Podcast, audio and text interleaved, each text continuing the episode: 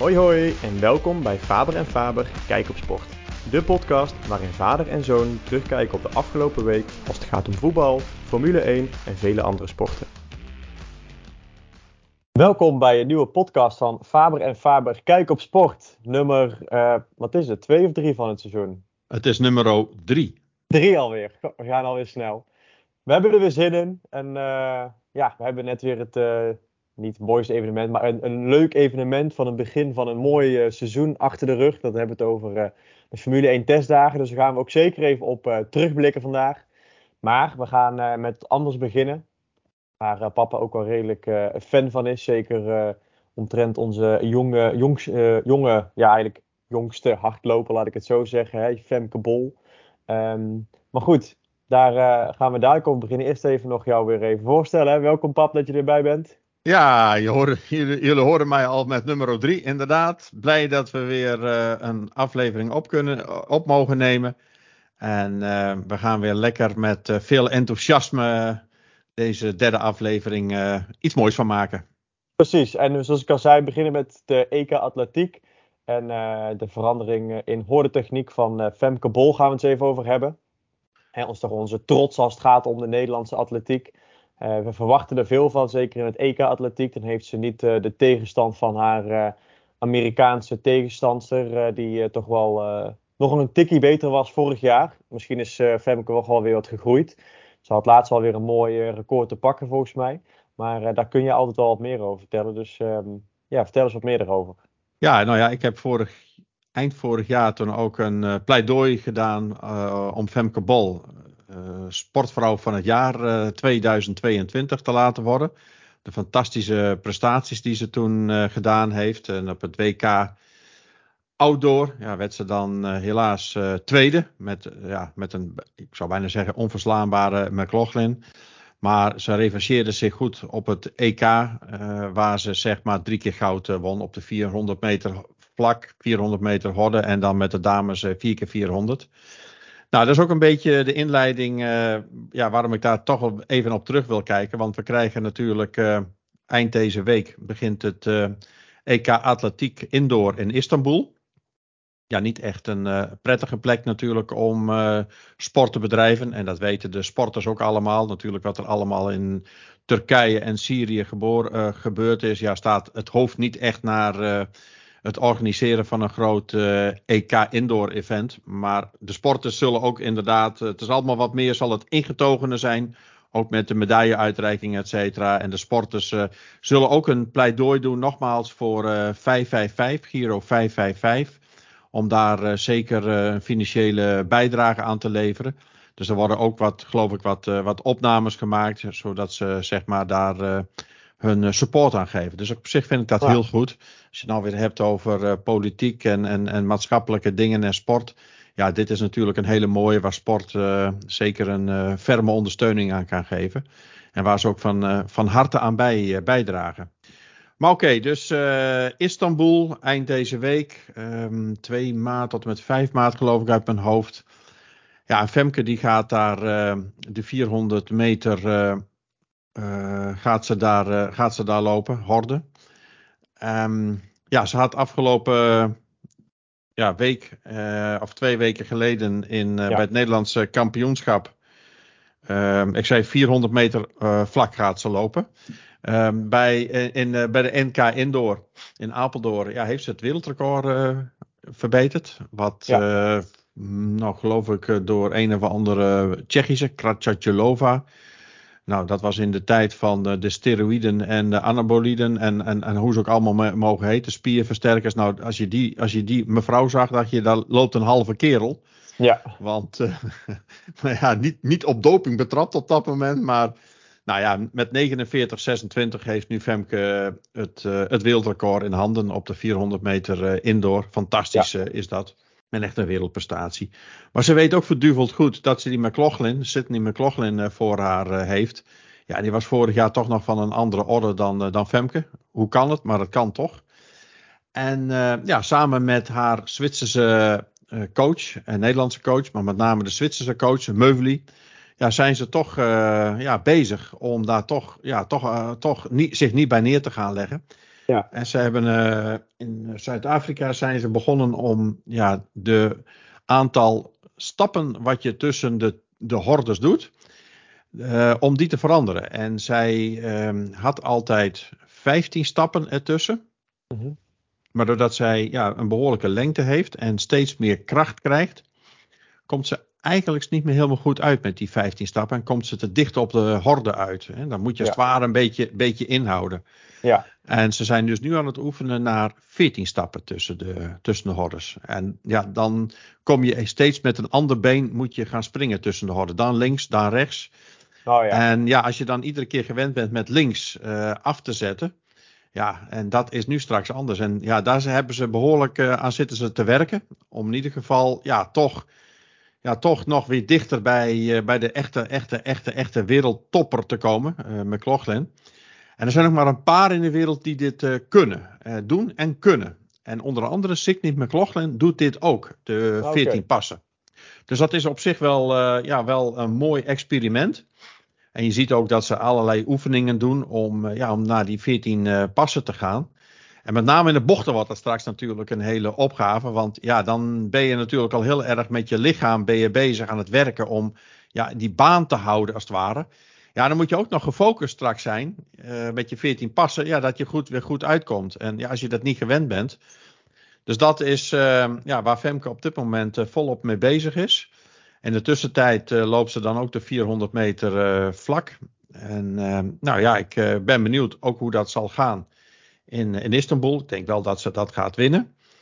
Um, maar ik moet ook zeggen dat uh, Lieke Klaver ook ontzettend goed liep in, uh, in Apeldoorn. En die heeft meegeholpen aan het wereldrecord.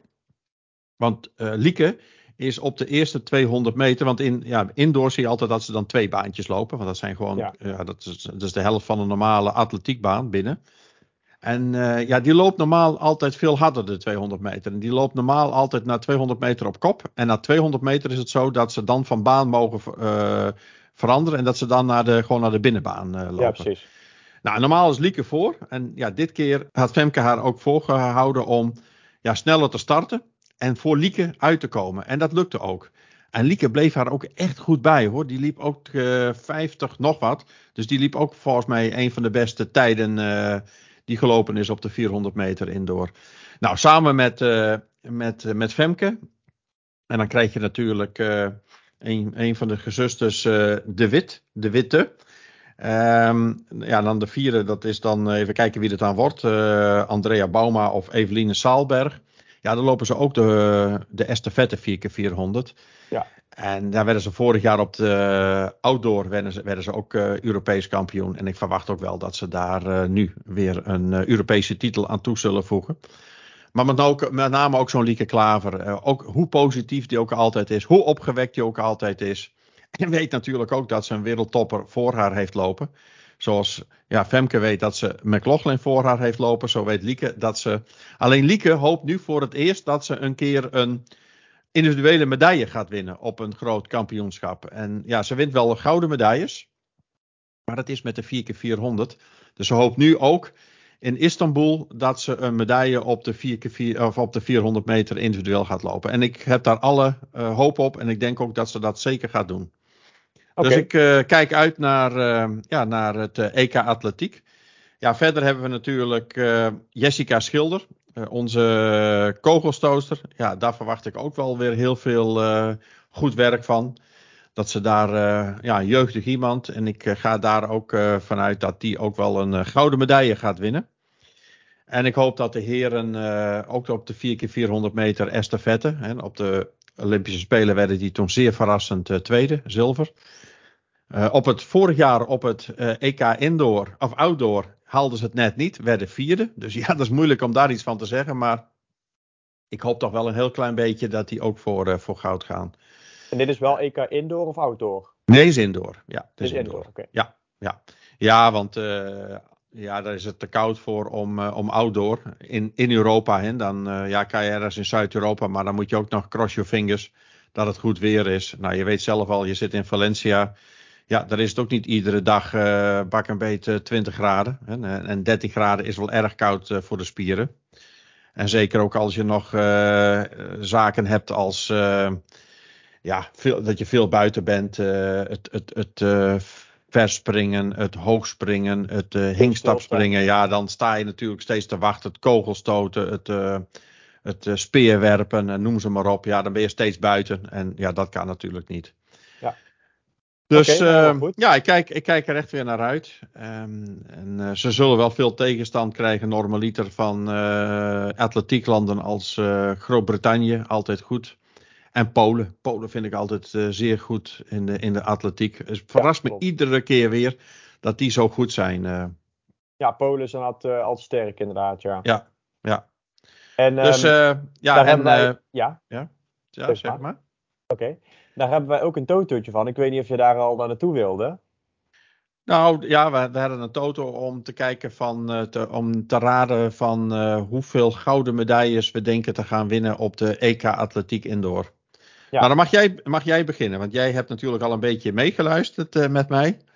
Ja, ik ga voor vijf goud. Oké, ik ga voor vier goud. Oké, Ik nou, vorig jaar was vier, maar jij bent net zo enthousiast, dus ik denk we gaan dit Ja. jaar voor een gouden medaille meer. Ja, nou, ik, ik, hoop het, ik hoop dat je gelijk krijgt. Eh, ik ga in ieder geval voor eh, Femke 400, eh, de 4x400, Jessica en ik ga voor de heren 4x400. Oké, En ik ben erg benieuwd ook naar de vijfkamp. We hebben nu twee, twee vijfkampsters, Sophie Dokter en Marijke Esselink. Ja, dus ik ben erg benieuwd naar die. eh Sophie eh, was eh, vorig jaar ook bij de outdoor, deed ze het heel goed. Jong meisje. Dus ik, opgewekt iemand, die was zo positief, ook in de interviews. Dat was echt een openbaring. En ehm, alhoewel, nou, je kan, je kan misschien wel eens een keer met Nadine Visser op de 60 meter horden. ja, zou best wel eens kunnen dat die gaat verrassen. Misschien is dat wel de vijfde eh, gouden medaille. Zou best kunnen. Ik hoop het. Ik hoop dat je gelijk krijgt. Want hoe meer goud, hoe beter. Ja. Maar we zullen zien eh, wat dat gaat worden. En doen we precies goed? Of... Ja, we doen het precies goed. Ja, Oké, helemaal goed. Ja, ja. Nou, helemaal goed. Dan eh, gaan wij het afwachten dan in een aantal dagen. Een dag of over drie dagen begint als het goed is dan op, op donderdag. Ja precies. En eh, nou, we zullen ook wel eens kijken of eh, Duplantis weer zijn eh, wereldrecord gaat verbreken. Want die had onlangs ook weer zijn wereldrecord hoogspringen. eh Ja. polstok hoogspringen met 1 centimeter.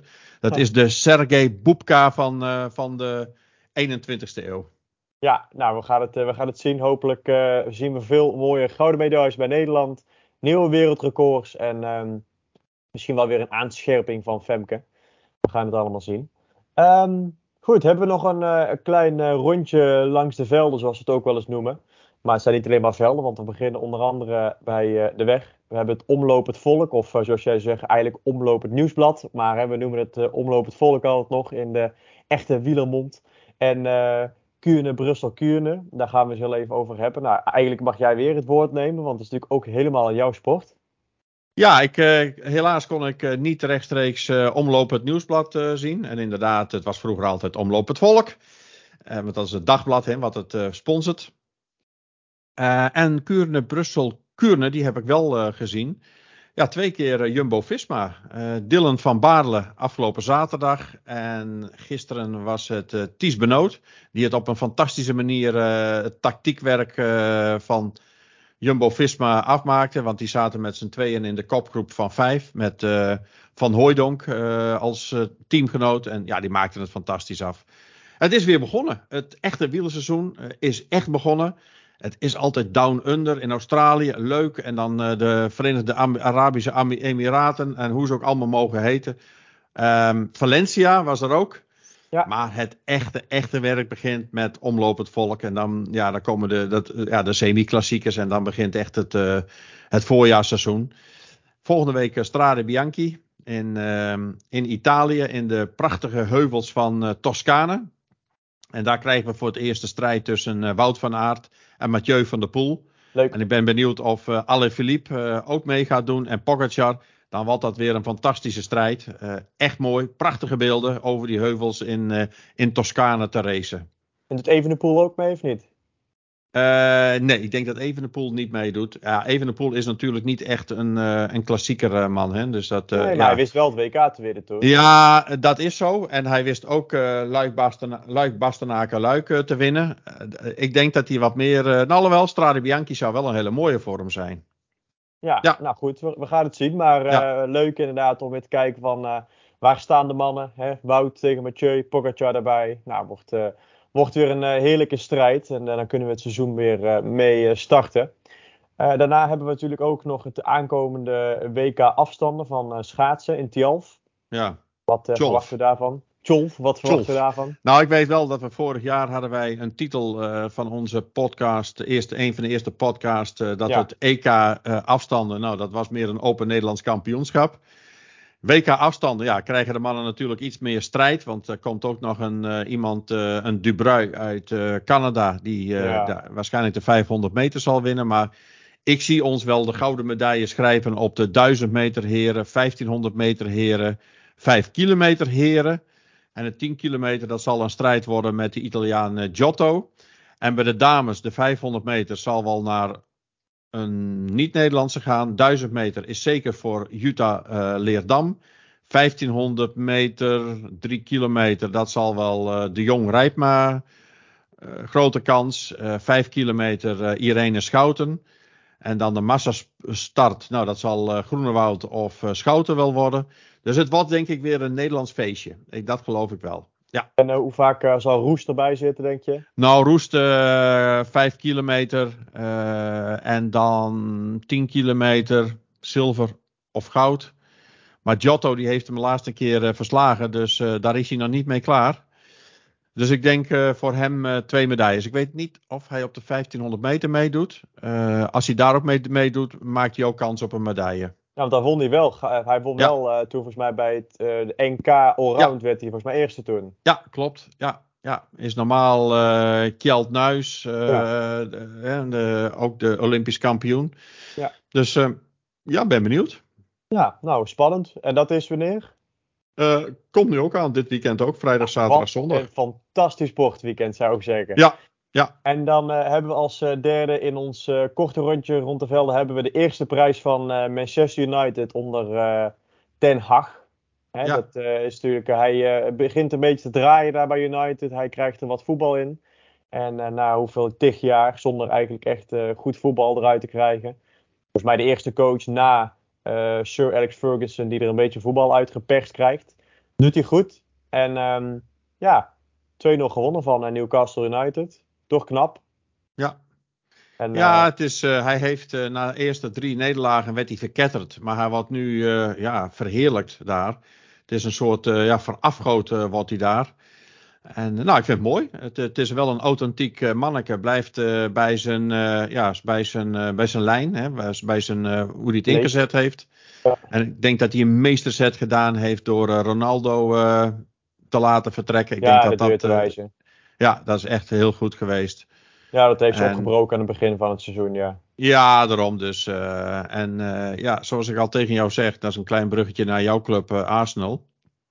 Die staat misschien al een heel eind voor, maar ik denk dat Ten Hag met zijn mannen nog een heel eind komt in de titelstrijd. Ja, kijk, het is, het is, ze laten allemaal punten liggen. Want hè, laatst tegen Leeds speelden ze 2-2. Nou, Leeds staat onderaan de competitie, dus dat was ook niet sterk. Eh, je ziet er wel bijvoorbeeld als een Casemiro uitvalt, eh, als in één keer een andere bepaalde spelers uitvallen, dat hij dan toch wel een beetje wankel staat. Ehm, maar nou, hij doet het goed. Ik eh, denk dat hij. ehm, ik weet niet of ze nog een keer tegen City moeten. Maar het altijd wel een mooie match. Tegen Arsenal hebben ze natuurlijk al twee keer gespeeld nu. Dus daar eh, onderlinge strijd zal er niet meer zijn tussen Arsenal en United. Maar eh, ja, we gaan het zien. Het is volgens mij een punt of acht verschil wat erin zit. Als Arsenal nog eh, het wedstrijdje inhaalt, dan zullen het acht punten zijn. Want die, eh, die moeten ze wel winnen. En dan ehm, ja, gaan we het zien. Maar ehm, ja, ik wilde nog kort even ook aanhalen hierbij inderdaad. Dat Arsenal het ook niet makkelijk gemaakt wordt in de, eh, in de competitie. Want van de week hadden ze weer, van het weekend hadden ze weer een heerlijke VAR eh, flater die er weer eh, werd gemaakt. Een penalty gegeven had moeten worden, of in ieder geval naar gekeken had moeten worden. Een afgekeurd doelpunt die veel te makkelijk afgekeurd wordt. Dus ehm, als het om de scheidsrechters gaat, dan wordt United volgens mij kampioen of City. En Arsenal niet. Maar eh, we gaan het zien. Wij, we strijden hard door en ehm, gaan voor het kampioenschap.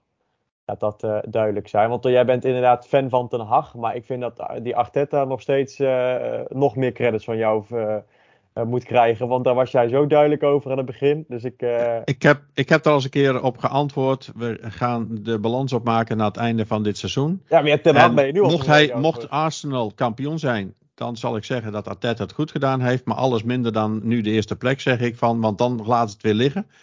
Dus uh, bij uh, nummer 1 in de competitie, uh, dan ga ik jou gelijk geven. Maar vind jij Ten Hag al wel goed doen bij United? Ik vind Ten Hag het fantastisch doen. Als je ziet wat daar na Alex Ferguson gebeurd is. Nou, dan was dat een club ja, wat nooit meer echt glansde en schitterde. En als je nu ziet hoe die supporters weer met z'n allen weer zo vertrouwen krijgen. Het is een beetje alla, ik zou bijna zeggen, Johan Cruijff. Die destijds naar Barcelona ging en de Catalanen weer kleur op de wangen gaf. Zoals, zowel als speler als als trainer van Barcelona. Nou, zo doet Den Haag dat nu bij eh, Manchester United. Want eh, ja, City werd altijd ondergesneeuwd door eh, United. Maar dat was de afgelopen, wat is het, zes, zeven jaar was dat net andersom. En uh, nou, dan zie je toch hoe zo'n iemand, toch zo'n ja, toch zo'n zo'n grote uh, supporterschare, ja, zeg maar, blij en opgewekt en, en, en, en vol vuur kan, kan brengen. En ik moet zeggen gewoon dat hij het ook goed doet. Je ziet gewoon spelers als Rashford en Fred. Nou, vorig jaar, ja, ik vond het helemaal niks. En die jongens die beginnen nou goed te voetballen. Het zijn gewoon goede spelers die je graag in je team wil hebben die Casimiro, dat was dan zogenaamd een volgevreten uh, Braziliaan die alle prijzen al bij Madrid had gewonnen. Nou, als je ziet hoe, hoe, hoe met verve die jongen er ook uh, door het vuur gaat, ja, dan denk, vind ik het alleen maar goed. Ja, maar wat, is, nou ja. wat, maar wat, wat zie jij dan, even kort, wat zie jij het verschil dan met, want je ziet natuurlijk United uh, naar Sir Alex Ferguson naar beneden gaan, nu, nu trekt hij ze weer een beetje uit het slijk, mooi voetbal, het publiek staat erachter, maar dat is toch exact hetzelfde als Arsenal, want die is eigenlijk na 2006, een beetje 2007. Ja, echt eh, vanaf 2013 is het helemaal minder gegaan. Maar is ook helemaal afgegleden als club. Was meer een, een subtopper. Een beetje middenmotor. En uh, sinds Arteta daar is gekomen hebben ze prijzen gewonnen. De FA Cup een paar keer, één keer gewonnen volgens mij. En nou zijn ze, hebben ze fantastisch voetbal. Supporters staan erachter. Exact hetzelfde. En hebben ze net zo goed als United nog niks bereikt. Ja, oké, okay, een, een, een, een, een, cupje winnen. Maar dat is niet eens de FA Cup die ze gewonnen hebben. Een cupje, een cupje. Ja, een cup is een cup. En dat is weer de ja, eerste maar verdienste. Arsenal heeft, de, Arsenal heeft vorig jaar de FA Cup. Nou ja, Thomas, we, we, het rondje kort. We houden het hierbij op. We, we, we, gaan hier nog een keer apart bij stilstaan. Aan het, ja. richting het einde van het seizoen. Ik vind, hey, de andere niet, ik vind jou niet consistent in deze mening. Oké, okay. nou dat mag jij vinden. Ja, hey, volgende. Um, volgende. Uitschakeling PSV en Ajax in de Europa League. Ja, dat uh, was uh, dramatisch. Armetierig. Um, van het niveau wat we eigenlijk uh, gewend zijn van ja, Ajax de laatste weken is iets beter natuurlijk onder Johnny Huitenkneutel. Maar um, het, is, het, was, het was allebei slecht. En PSV, um, ja, ja, ik, heb, ik heb de laatste weken niet meer naar PSV gekeken, maar ik heb toch even gespiekt. En ja, er zat gewoon geen pit in. Er zat gewoon, alsof ze aan het voetballen vallen waren zonder, zonder peper in die kont. En het was gewoon, ja. het waren tikkies, er kwam geen dreiging vanaf. Um, Xavi Simons kon alleen maar zeiken. Uh, de Jong die voorin als meer als uh, sta in de weg is dan dat het daadwerkelijk een uh, aanwinst voor je team is.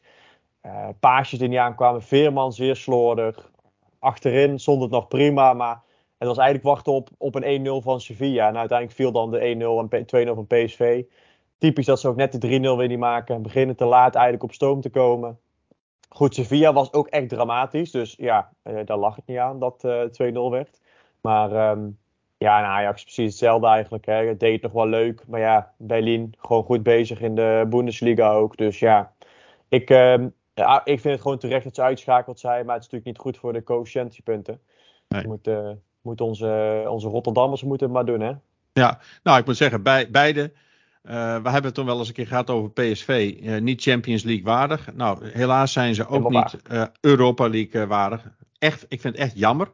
Als je het ziet hoe ze het weggegeven hebben in Valencia ja. in, in 10 minuten tijd. Ja, kwartiertje. E eerste minuut blessuretijd, eerste helft. tweede minuut, tweede helft. En volgens mij nog een keer in de tiende minuut, tweede helft.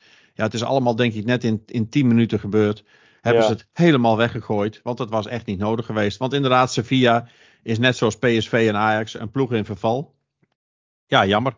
Ook jammer voor PSV dat die supporter het veld op kwam lopen. Die jongen die had al een, Ja. een, een stadionverbod. Ja, en- wat doet hij daar? Dat vraag ik me ja, wat, ja, wat doet hij daar? Ja, maar ja, joh, dat komt altijd in de mazen van het wet. Op een andermans zijn kaart eh, binnenkomen, eh, niet gescand, eh et cetera. Ja, zonde.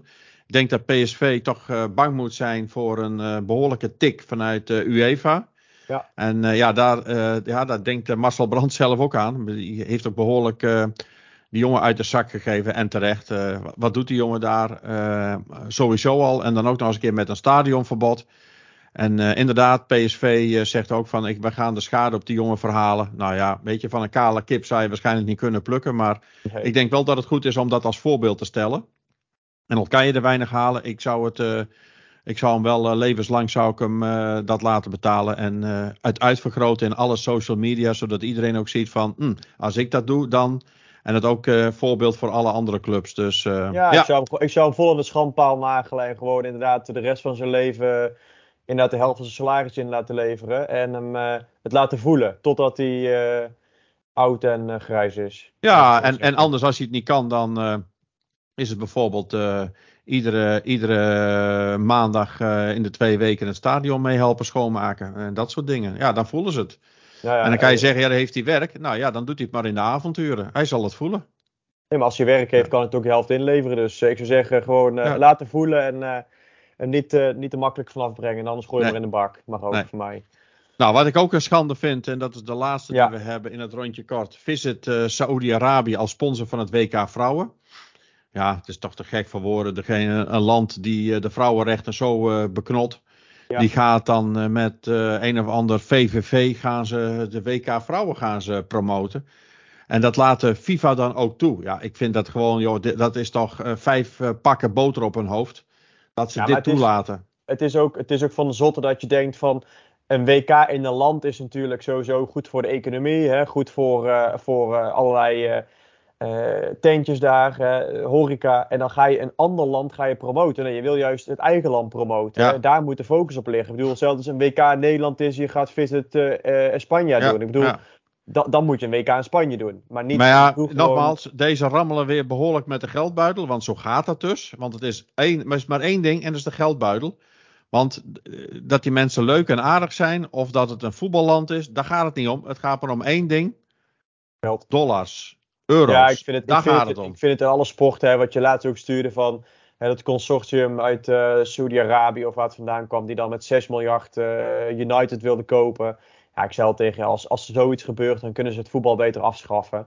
Eh, maar dat heb ik hetzelfde bij dit. Ik denk als, die, dat- als heel dat Midden-Oosten met, met Qatar, Saudi-Arabië, noem maar op, als die daar te veel in gaan zitten in allerlei sporten, ja, op een gegeven moment kun je het beter mee stoppen, want het, het heeft niet zoveel nut meer. Ja. Het is gewoon, eh, ja, het is gewoon niet meer leuk. Nee. Nou, daar zijn we het over eens. Ehm, en, en dan maak ik een bruggetje naar het eh, derde onderwerp.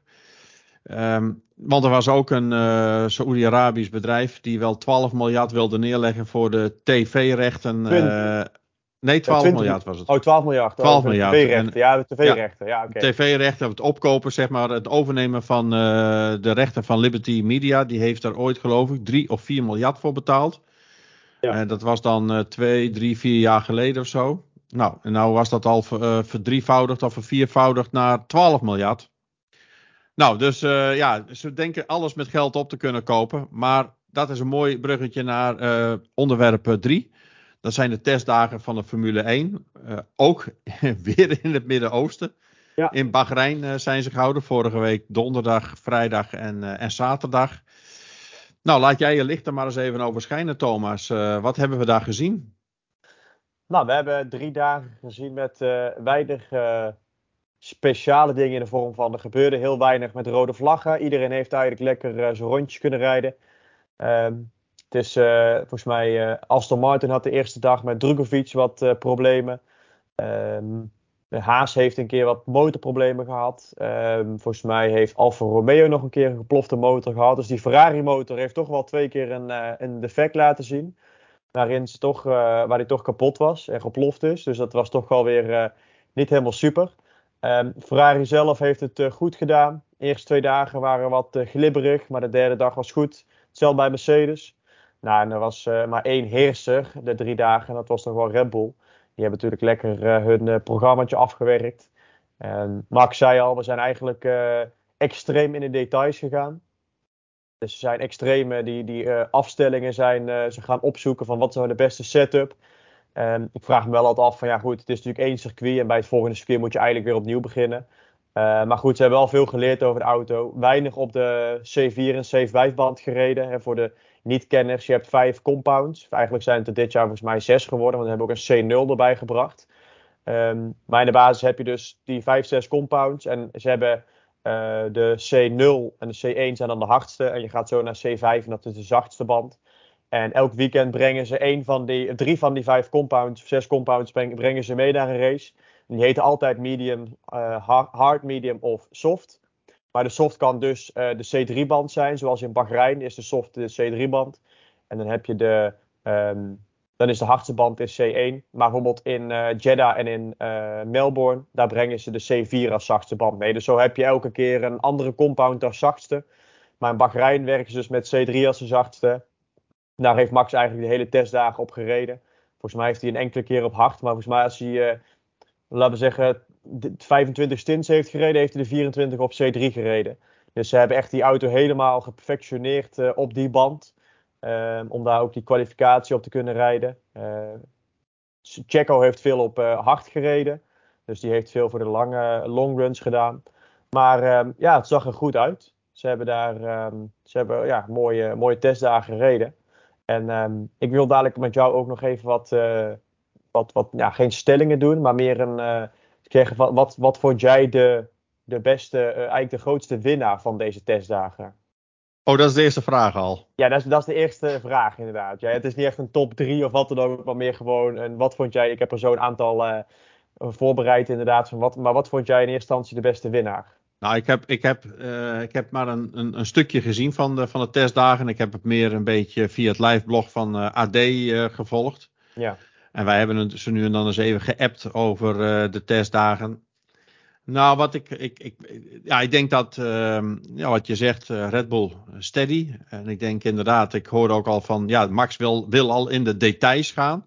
Nou, dat zei al heel veel over de constantheid en de betrouwbaarheid van de, van de Red Bull. Dus op zich is dat denk ik wel een van de grote winnaars. Misschien ook wel een bevestiging waar ze mee bezig, bezig zijn. En ik denk dat het uh, zusterteam Alfa Tauri denk ik ook een uh, goede prestatie heeft neergezet in de testdagen. Door ook veel te testen met, met Nick de Vries en, en Tsunoda. Maar met name ook voor de Vries. Voor hem is het natuurlijk ook een binnenkomer bij het team. En ik begreep ook wel dat hij toch wel heel veel zaken over de bühne naar, hun, naar het team toe brengt. En wat ze ook wel van een hele grote toegevoegde waarde vinden. En ze zien hem dan ook wel als een wat meer geroutineerde rijder. Ja, voor het eerst staat hij in de Formule 1. Hè. Hij is als het ware een rookie. Maar hij brengt al zoveel expertise in, omdat hij gewoon bij andere teams ja, testrijder is. En da dat soort expertise weet hij ook in te brengen uh, in het team. En om ook het team uh, scherp uh, te houden. Dus ik denk dat het voor Nick ook wel een mooie bevestiging en ook wel een, ja, dat, dat, dat hij goed bezig is. Dus ik denk dat dat wel, wel mooi is. Ik denk dat, ehm, ja, Haas was denk ik volop aan het, op, op de goede weg, denk ik ook wel met, met het testen. Williams die was uh, volop met Albon aan het. Uh, die maakte ook heel veel rondjes, uh, zag ik wel. Was ook een van de, degenen die met name de eerste dag behoorlijk aan het, aan het testen was. Um, ja, nou, ik denk dat dat wel een beetje de, voor mij als, als, als antwoord op jouw vraag. Mercedes viel volgens mij toch wel wat tegen. En ik begreep ook dat, ik noem hem altijd Jack Russell, maar George Russell dus. Ja die was toch ook wel onder de indruk van, uh, van Red Bull. En dat ze toch ook wel, uh, toch wel enkele races uh, nodig zouden hebben. Om echt op hetzelfde level als Red Bull te komen. Ja, wat je zegt, ze hebben die, de Mercedes. Die, die had vooral dag 2 heel veel problemen met de balans. Dag 3 was het wel beter. porpoising is eigenlijk al verdwenen bij ze. Maar ze hebben nog wel last van bepaalde balansproblemen die ze niet kunnen plaatsen. Uh, en het is nu dit jaar, ze beginnen in Bahrein. Dan heb je daarna heb je um, Jeddah, Saudi-Arabië. Dan heb je Melbourne. Dan heb je de hele tijd niks. Uh, dan komt uh, Baku. En dan komt als vijfde race Miami. En dan komt pas de eerste Europese race als race 6. Ehm, dus ze hebben natuurlijk eerst vijf races buiten Europa. Dus als je een nieuw pakket mee wil brengen, wat Mercedes dus gaat doen, onder andere McLaren ook, um, dan komt dat pas in Imola bij race 6. Dus de eerste vijf races zal het eigenlijk nog redelijk zijn uh, zoals het nu is. Uh, daar zal weinig uh, verandering in komen in de eerste vijf races. Dus als het is dat Mercedes echt het derde team is dadelijk, of tweede team, dan, dan zal het dat ook blijven de eerste vijf races. Maar Jack Russell, zoals jij hem noemt, die had ook gezegd: um, het is wel, ja, het is een lang seizoen natuurlijk. En dadelijk na de zomerstop krijgen we heel veel back-to-back races. Dus dan hebben we echt uh, ja, heel veel races in een korte periode. Dus daar uh, kunnen we veel, uh, veel winnen. Um, heeft hij gelijk in, maar toch, hè, als je vijf races al veel punten verliest, dat kan toch wel al een flinke tik zijn. Um, maar jouw antwoord zou dus het zijn: als je, één, als je één team moet kiezen die echt het meest gewonnen heeft, dan zou je Red Bull kiezen? Of nee, dan ga, ik voor, groot... dan ga ik voor ja? Alfa Tauri. Alfa oké. Nou, ik, ga, ik, ga, ik ga voor uh, Aston Martin. Die uh, wordt toch wel uh, gezien als misschien wel het tweede team bijna. Tweede of derde team. verwachten ze toch wel een beetje met Mercedes dat ze kunnen strijden. Ze waren in de longrun, was Alonso de snelste van allemaal. Eigenlijk samen met Red Bull had hij wel een van de snelste en de meest constante tijden. Het was niet per se de snelheid, maar voornamelijk de constantie die ze hadden. Um, omdat uh, Ferrari had ook alweer een redelijk snelle drop-off in de banden. Zeker als je de mediumband reden, hadden ze redelijk snel dat ze, ja, dat ze gingen, achteruit gingen de banden. En uh, Red Bull kreeg, hield natuurlijk weer redelijk goed vol. En, uh, maar Aston Martin had het ook heel erg goed voor elkaar. Um, die hebben de eerste dag al wat problemen gehad toen, anderhalf uur ongeveer. Maar daarna heeft, volgens mij had Nick de Vries had de meeste rondjes gereden allemaal. En daarna had op twee rondjes na had Alonso de meeste gereden. Dus die, um, Alonso heeft het goed gedaan. Die uh, ja, is natuurlijk een oude rot, hè, dus die gaat sowieso goed doen. Uh, Stroll, ja, het is niet de slechtste, dus ik denk dat hij ook wel uh, goed mee kan. En ik denk dat het wel een, gedegen kandidaat gaat zijn, Aston Martin. Ik vind dat wel de grootste winnaar van de testdagen. Tauri, wat je zegt, heeft goed gereden, klopt. Alleen wat wel bij Alfa Tauri is, is dat ze, Nick de Vries daar zelf al van, um, eigenlijk is Nick de Vries, zou ik moeten zeggen, Tom Coronel altijd heel streng op dat het Nick is en niet Nick. Uh, maar Nick zei zelf al uh, dat, hij, um, dat hij zei van ik denk dat we nog steeds uh, het negende team zijn. Hij, hij, ze hebben veel meters gemaakt, maar hij wist niet of ze daadwerkelijk ook veel sneller waren geworden. Um, en ik denk dat hij wel eens gelijk kan hebben. Want als je ziet naar wat je zegt, Haas heeft het goed gedaan. Die heeft echt stappen gemaakt. Alfa Romeo heeft stappen gemaakt. Alpine is wel wat naar achter gegaan, maar die waren vorig jaar vierde, dus die zullen niet nee, negende zijn. Um, dan heb je natuurlijk uh, Aston Martin die goede stappen heeft gemaakt. En dan heb je eigenlijk alleen nog uh, Williams over. En um, Alfa Tauri. Dus ik zie niet zozeer van uh, McLaren. Maar McLaren wordt ook niet negende team in één keer. Dus ik denk dat uh, ja, Alfa Tauri niet zozeer slecht is, slechter is geworden. Maar de rest is denk ik ook zoveel beter geworden. Dat Alfa Tauri denk er wel moeite mee heeft om, om mee in die middenmoot te komen. Um, ik denk dat het voornamelijk is Williams die een beetje onderaan zal hangen. En uh, daarboven zullen toch wel, uh, zal het verschil denk ik heel klein zijn tussen de nummer 4, 5 en de nummer 9. Die zal heel klein zijn denk ik. Ik denk dat ze toch wel allemaal dicht bij elkaar zijn gegroeid en gekomen. De top is dichter bij elkaar gekomen denk ik, maar ook de, de middenmoot. Dus dat, um, dat denk ik wel dat Alfa Tauri toch daar wel last van zal hebben dat de rest ook gewoon heel goed ontwikkeld heeft. Um, en wat, vind jij, wat zou jij zeggen als de grote verliezer van de testdagen? Oeh, um, ja, vind ik een moeilijke. Uh, ik, ik vind het altijd lastig om uh, van, van, van grote verliezers te spreken. Want ja, weet je, je hebt. Ja, als je nou stilstaat of je kan bijna geen rondjes maken of wat dan ook. Ik denk dat iedereen wel zijn, zijn rondes gemaakt heeft. Um, dus ja, ik weet niet of je kan spreken over een grote verliezer. Nou, er is één team wat heel weinig ronden heeft gemaakt vergeleken met de rest. Uh, en dat is McLaren. Die hebben toch wel uh, zeker uh, 20% en 30% hebben ze binnengestaan van de testdagen. Uh, ze hebben geen snelle rondes neer kunnen zetten. Dus ze hebben ook niet kunnen laten zien wat ze kunnen. stonden toch elke dag wel redelijk meer mee onderaan. In plaats van bovenaan. veel binnengestaan, veel problemen gehad met de ik weet niet, maar die spatborden in ieder geval, die, zo, die, die spatborden die vanuit de binnenkant zo'n beetje over de wielen, de wheelarches uh, hangen. Die, uh, die waren te dun, die waren niet goed. Veel problemen gehad met andere, met andere ja, het hele pakket eigenlijk was gewoon een, een, meer een downgrade dan het een upgrade was. En um, die komen dus ook pas uiteindelijk in, in Imola met de grote update. Waar dan echt de, ja, de verbeteringen op zitten van wat ze nu hebben getest. Maar ja, die hebben dus ik zou niet weten hoeveel, maar ze zitten echt wel, volgens mij wel flink, uh, flink wat aantal rondes onder, uh, onder de nummer 1. Wat volgens mij Alfa Tauri was inderdaad. Um, en het was misschien een goed team, maar ja, je moet natuurlijk wel je rondes kunnen rijden om uh, uiteindelijk ook de data uit te kunnen halen. Dus ik zou dat zelf, zou ik dat wel eens een verliezer zien. Omdat die wel, um, ja, als je natuurlijk vorig jaar streden ze om plek 4. Uh, verloren ze net natuurlijk. Maar ja, je had natuurlijk ook Daniel Ricciardo, die natuurlijk niet helemaal lekker presteerde. Alpine had twee goede coureurs.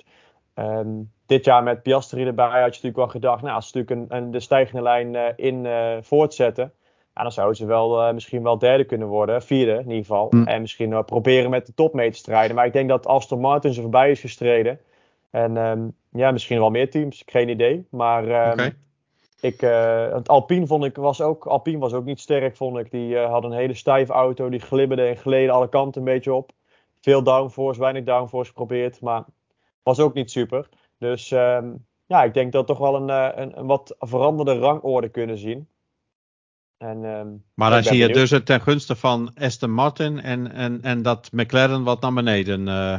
Ja, ik denk dat Aston Martin dus wel duidelijk uh, wat naar boven is gekomen. Hè. Dus die hadden ze eigenlijk al ingezet vorig jaar. Nou, die hebben natuurlijk, uh, die hebben natuurlijk flink wat mensen weggekocht bij Red Bull. Um, en wat goede, wat goede knappe koppen bij Red Bull weggehaald.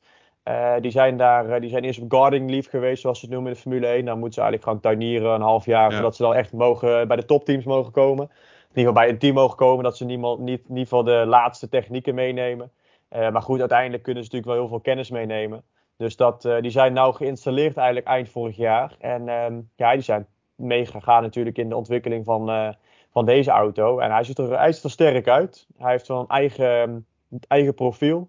Het is geen hele directe kopie van de Red Bull, zoals ze vorig jaar een beetje hadden. Waar het naartoe leek te gaan bij Aston Martin. Ja, het, het, de visie van uh, Lawrence Stroll begint ergens op te lijken. En hebben ze natuurlijk ook nog een van de beste coureurs van de grid met Alonso. Dus uh, nou, ja, wie weet. Wordt, uh, wordt spannend dit jaar. Dus ja. dat is in mijn optiek de grootste winnaars en verliezers. En ik ben benieuwd volgende week, of eigenlijk komende vrijdag al inderdaad, wat wat we gaan zien. Hè, als in de eerste test uh, vrije trainingen wat, uh, wat we gaan zien. Ik denk dat vanaf vrije training 3 dat we dan echt gaan zien wat de auto's echt kunnen. Dan gaan we ook de daadwerkelijke definitieve auto's helemaal zien. Nog kleine laatste aanpassingen en dan uh, zaterdag de kwalificatie. Ja, en zoals Robert Doornbos zegt, dan pas zien we echt wat het allemaal waard is geweest. Ja, daarom inderdaad. Het is wat hij, al, hij altijd op zijn extreme zegt, het laatste rondje van Q3, dan zien we het echt, zegt hij altijd. Okay, en nou. ik, ik, denk ook wel bij bepaalde teams dat we het dan ook echt zien. Als we het over Red Bull hebben, dat je dan pas echt ziet wat ze kunnen. Nou, ze reden nu om volgens mij een lage 1.30, volgens mij. Of een 1.30 nog wat racen. Ja, was een C5-band, C4-band natuurlijk. Nou, Eén tikkeltje harder, één compound harder gaan ze kwalificeren. Dus um, ik ben benieuwd of ze de, de, de poltijd van vorig jaar kunnen verbreken. Van uh, Leclerc vorig jaar. En, um, en wat de eerste races gaan, uh, gaan laten zien. Hopelijk okay. uh, kunnen wij de volgende podcast uh, zeggen dat Red Bull uh, oppermachtig was. En ze wat mooie punten weg kunnen snoepen al in het begin van het seizoen. Want ik denk dat het, dat het wel spannend kan worden gedurende het seizoen vorig. Red Bull natuurlijk met de straf. Dus ja, ik ben, ik ben benieuwd. Ik heb er zin in weer. Nou, ik ook. Dus op naar het komend weekend. Zeker, op naar het komend weekend. En um, dan hebben wij als laatste, want we hebben natuurlijk vorige keer een aantal totootjes gemaakt. Volgens ja. mij hebben we er een aantal uh, goed gehad. Een aantal ook weer fout. Dus ik ben uh, benieuwd wat uh, de score is nu. Nou, wij begonnen, ja inderdaad, we hadden wat toto uitslagen. Dus niet de juiste uitslag, maar de toto-uitslagen. De eerste was Paris Saint-Germain tegen Bayern. Nou, dat werd een 0-1 voor Bayern. En jij had dat ook goed voorspeld, een tweetje. Ik had Paris Saint-Germain, dus dat was een punt voor jou. Toen uh, tussendoor hadden wij staan uh, Arsenal tegen uh, Manchester City in de, in de competitie. Ja. Um, jij zei een drietje en ik ging voor de winst van Arsenal. Want ik had zo'n vertrouwen in die Arteta. Dus niet. Ze werden afgestraft door, door City. Nee, nee, nee, nee, nee, nee, nee, daar wil ik even een correctie op zetten. Ze werden niet afgestraft. Het was een score die leek op een afstraffing. Maar technisch gezien waren ze gewoon gelijk aan elkaar. En City was wat beter in de tweede helft. Maar eind tweede helft was Arsenal ver beter. Dus het was gewoon een gelijke wedstrijd. Alleen het scoreverloop was wat scheef. Oké. Nou, beide geen punt. Eh, City de winnaar daar. Dan hadden we twee eh, wedstrijden in de Europa League. Eh, de eerste wedstrijden in de vorige ronde. Ajax Union Berlin. Jij zegt Amsterdammers gaan winnen. Nou, en ik had er nog zo al voorgevoel, dat gaat het niet worden. Een drietje, Union Berlin. Dat had ik dus goed. Ja. 1-1. En we hadden tenslotte Sevilla PSV. En die hadden beide wij goed geraaien. We hadden toen al door dat eh, PSV dat niet ging redden. Eh, en eh, al beide hadden we een eentje voor Sevilla. Maar ik moet zeggen, als PSV het niveau van de eerste half uur, 35 minuten had vastgehouden. Dan was het minimale gelijkspel dan wel winst eh, geworden voor PSV. Maar ja, oké. Die 10 minuten eh, zo rond de rust heeft hun eh, genekt. Nou, Maar eh, 2-2 even- heel, dus. even, heel even daarop terugkomen, denk ik trouwens nog. Ehm, ik vond wel dat ze afgelopen week voor de eerste keer, afgelopen weekend wel de eerste keer een fatsoenlijke opstelling hadden. Met twee spitsen, met Silva en met Luc de Jong. En Ja. daarachter dan vier middenvelders. Dus ik hoop dat ze dat doorzetten, want dat zag er wel beter uit. Helemaal mee eens. Nou, dan eh, de nieuwe Toto. eh, EK Goud eh, op de indoor atletiek. Ik vier gouden medailles, jij vijf gouden medailles. Ja. En dan heb ik er eentje staan voor in Spanje, in voetbal, Copa del Rey, de KNVB-beker van, van Spanje. En daar hebben we een mooie strijd tussen Real Madrid en Barcelona. Wat denk jij? En doen, Na wij 90 de, minuten. Doen, doen we de winst, verlies, eh Nou, zeg jij, eerst maar, zeg jij eerst maar wie jij denkt dat gaat winnen of verliezen of gelijk gaat spelen. Ik denk dat Real Madrid gaat winnen. Dat denk ik ook. Dus dan doen we niet eh, die, dan doen we de uitslag eh, Na 90 minuten. na 90 minuten. Oké. Is het überhaupt verlenging in Spanje? Volgens mij weet ik niet, weet ik niet. Maar we doen toch sowieso na 90 minuten. Ja, want het is geen finale nog. Hè? Dus Nee, gewoon, nee, eh, nee, absoluut niet. Nee, Want dan, volgens mij hebben ze dan gewoon altijd eh, een tweede wedstrijd. Maar ehm, Nee. eh, even kijken, dan eh, doen we 2-1. 2-1 en ik zeg eh 2-0. Oké. En dan hebben we tenslotte nog, en dat is eentje in de Nederlandse KNVB-beker, die dit week, deze week wordt gespeeld. Ik denk donderdag. Jouw club, PSV, tegen ADO Den Haag. Nou, zeggen we eerst nog even wie er gaat winnen. En anders dan doen we weer een eh, uitslag. Ja, en doe PSV nou. Ik denk dat dat niet zo moeilijk is. Ik denk dat wij beide denken dat PSV doorgaat. Ja, PSV ja. En als ze nog Dirk uit aan het roeren hadden, dan had ik 6-0 gezegd. Ja, Maar nu ma- maak ik er twee- ook 2-1 van.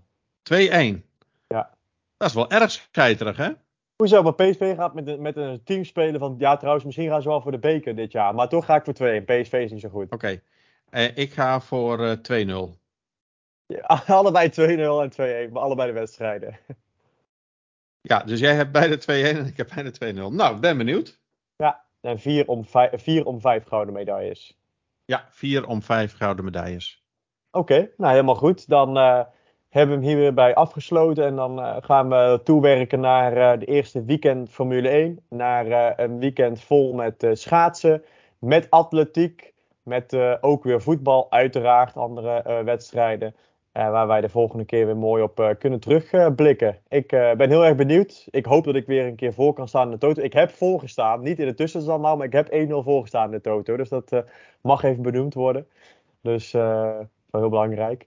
Ja, precies, want daar kun je nou nog op teren. Maar straks aan het einde van de rit is het veel belangrijker wie daarvoor staat. En nog even als toevoeging, Strade Bianchi, ook dit weekend.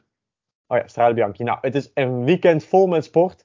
Niks te missen dus. En ehm, ik weet niet wat het weer in Nederland gaat doen, maar hopelijk regenachtig en, eh, en slecht. Want dan kunnen we lekker voor de tv kruipen en eh, lekker eh, alle sporten bekijken. Niks te missen. Je hebt waarschijnlijk weer je, je tabletje staan en je, je tv aan voor de Formule 1 en je tablet voor de andere sporten. En je telefoon waarschijnlijk ook nog. Alles overal te bekijken. Dus dat gaat helemaal goed komen daar in Huizen Faber. En dan ehm, ja, ronden we weer af voor deze keer.